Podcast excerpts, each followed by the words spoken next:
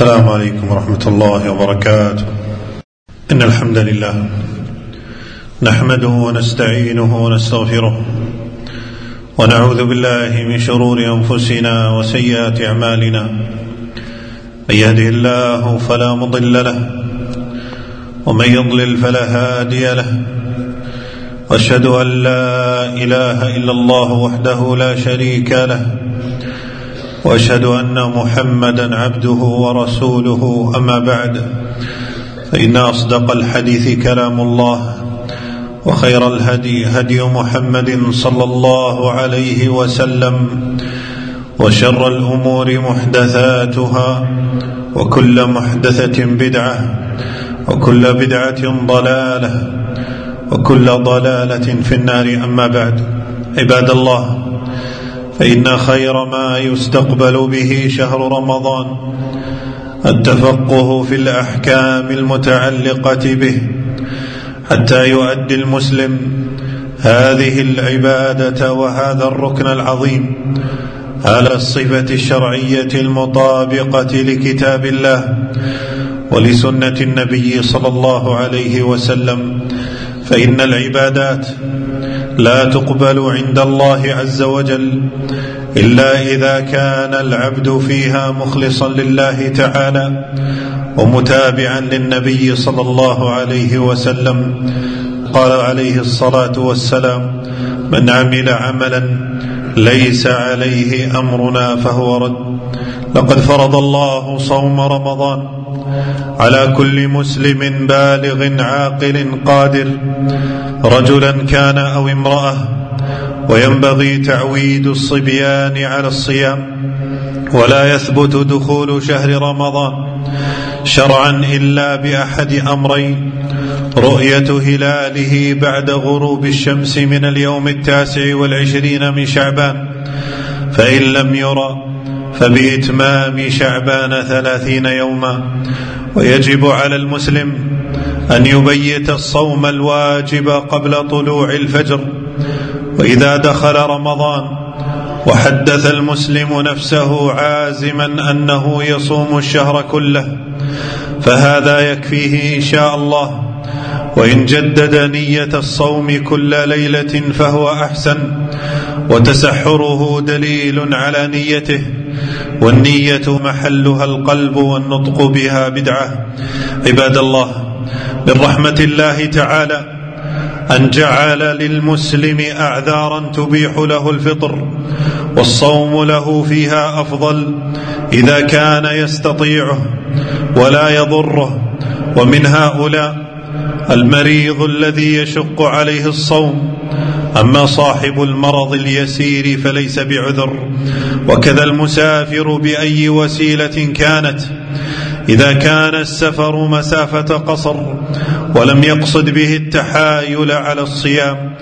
ومن الأعذار الكبر الذي يشق معه الصوم مشقة بالغة. وأما بخصوص المرأة فلا يجوز صيام الحائض والنفساء. ويجوز الفطر فطر للمرأة الحامل والمرضع إذا خافتا على أنفسهما أو ولديهما.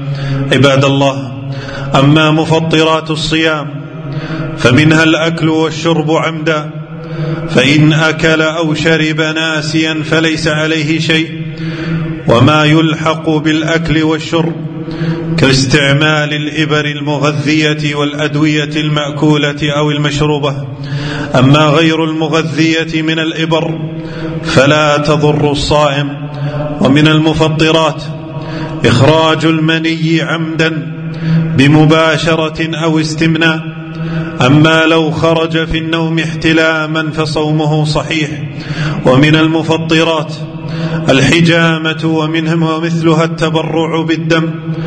أما خروج الدم اليسير من جرح بغير إرادته أو رعاف من أنفه أو إخراج الدم اليسير للتحليل أو خروج الدم من خلع الضرس فهذا كله لا يفطر.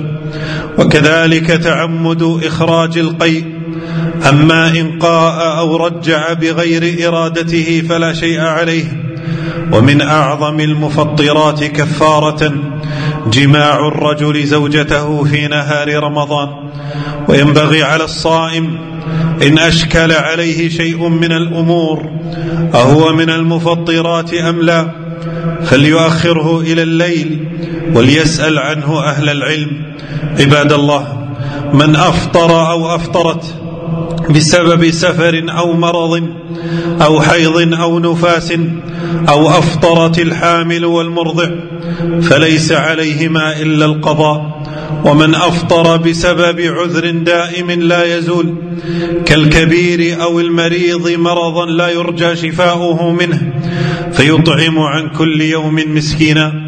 ومن أفطر بسبب الجماع فعليه التوبة والقضاء والكفارة المغلظة وهي عتق رقبة فإن لم يجد فصيام شهرين متتابعين فإن لم يستطع فإطعام ستين مسكينا. عباد الله إن من أعظم نعم الله على العبد أن يرزقه إدراك هذا الشهر المبارك فعلينا استحضار قدر نعمة الله علينا بالصيام فإن كثيرا من الناس حرموا الصيام إما بموتهم قبل بلوغه أو بعجزهم عنه أو بضلالهم وإعراضهم عن القيام به. فليحمد الصائم ربه على نعمة الصيام التي هي سبب لمغفرة الذنوب وتكفير السيئات ورفعة الدرجات في دار النعيم بجوار الرب الكريم. فأدوا حق هذه النعمة بشكرها بالقول والعمل وأداء واجبات الصيام وآدابه وسننه. فهي أيام معدودة تمر سريعا بين فائز وخاسر.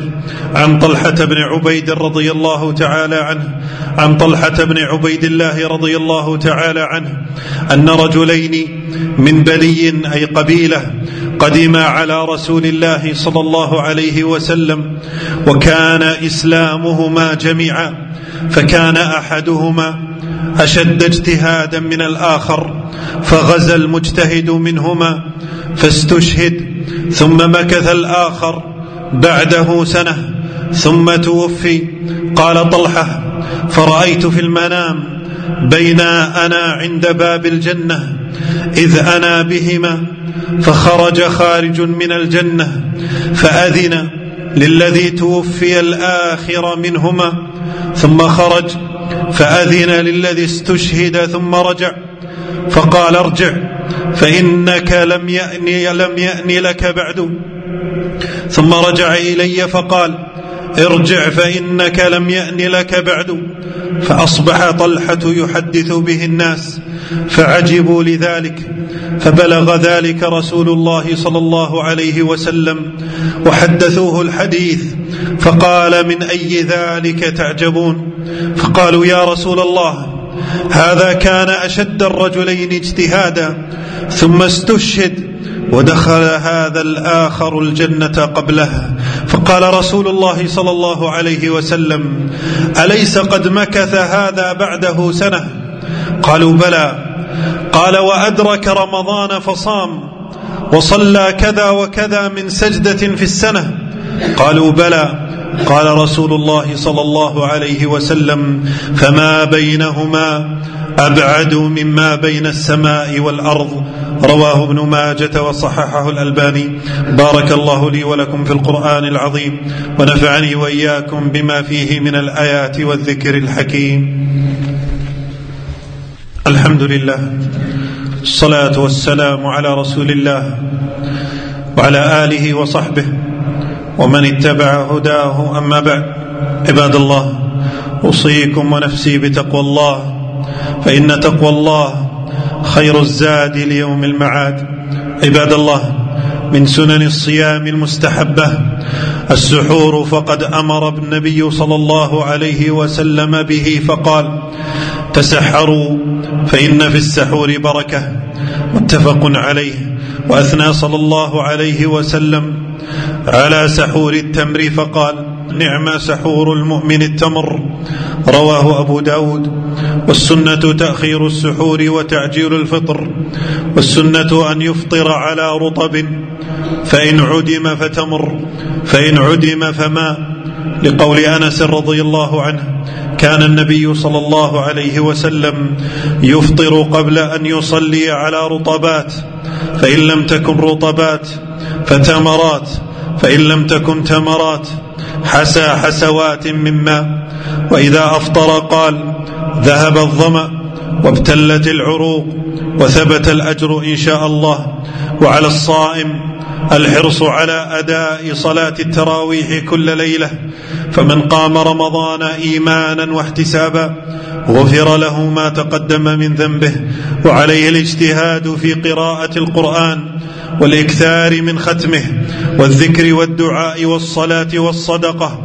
ففي الصحيحين من حديث ابن عباس رضي الله عنهما قال كان رسول الله صلى الله عليه وسلم أجود الناس وكان أجود ما يكون في رمضان. حين يلقاه جبريل فيدارسه القرآن. فلرسول الله صلى الله عليه وسلم حين يلقاه جبريل أجود بالخير من الريح المرسلة. اللهم وفقنا لمرضاتك وأعنا على شكرك وذكرك وحسن عبادتك. اللهم إنا نسألك العفو والعافية في الدنيا والآخرة. ربنا آتنا في الدنيا حسنة وفي الآخرة حسنة وقنا عذاب النار. اللهم اغفر للمؤمنين والمؤمنات والمسلمين والمسلمات الاحياء منهم والأموات. ربنا اغفر لنا ولوالدينا. وصلى الله وسلم وبارك على نبينا محمد.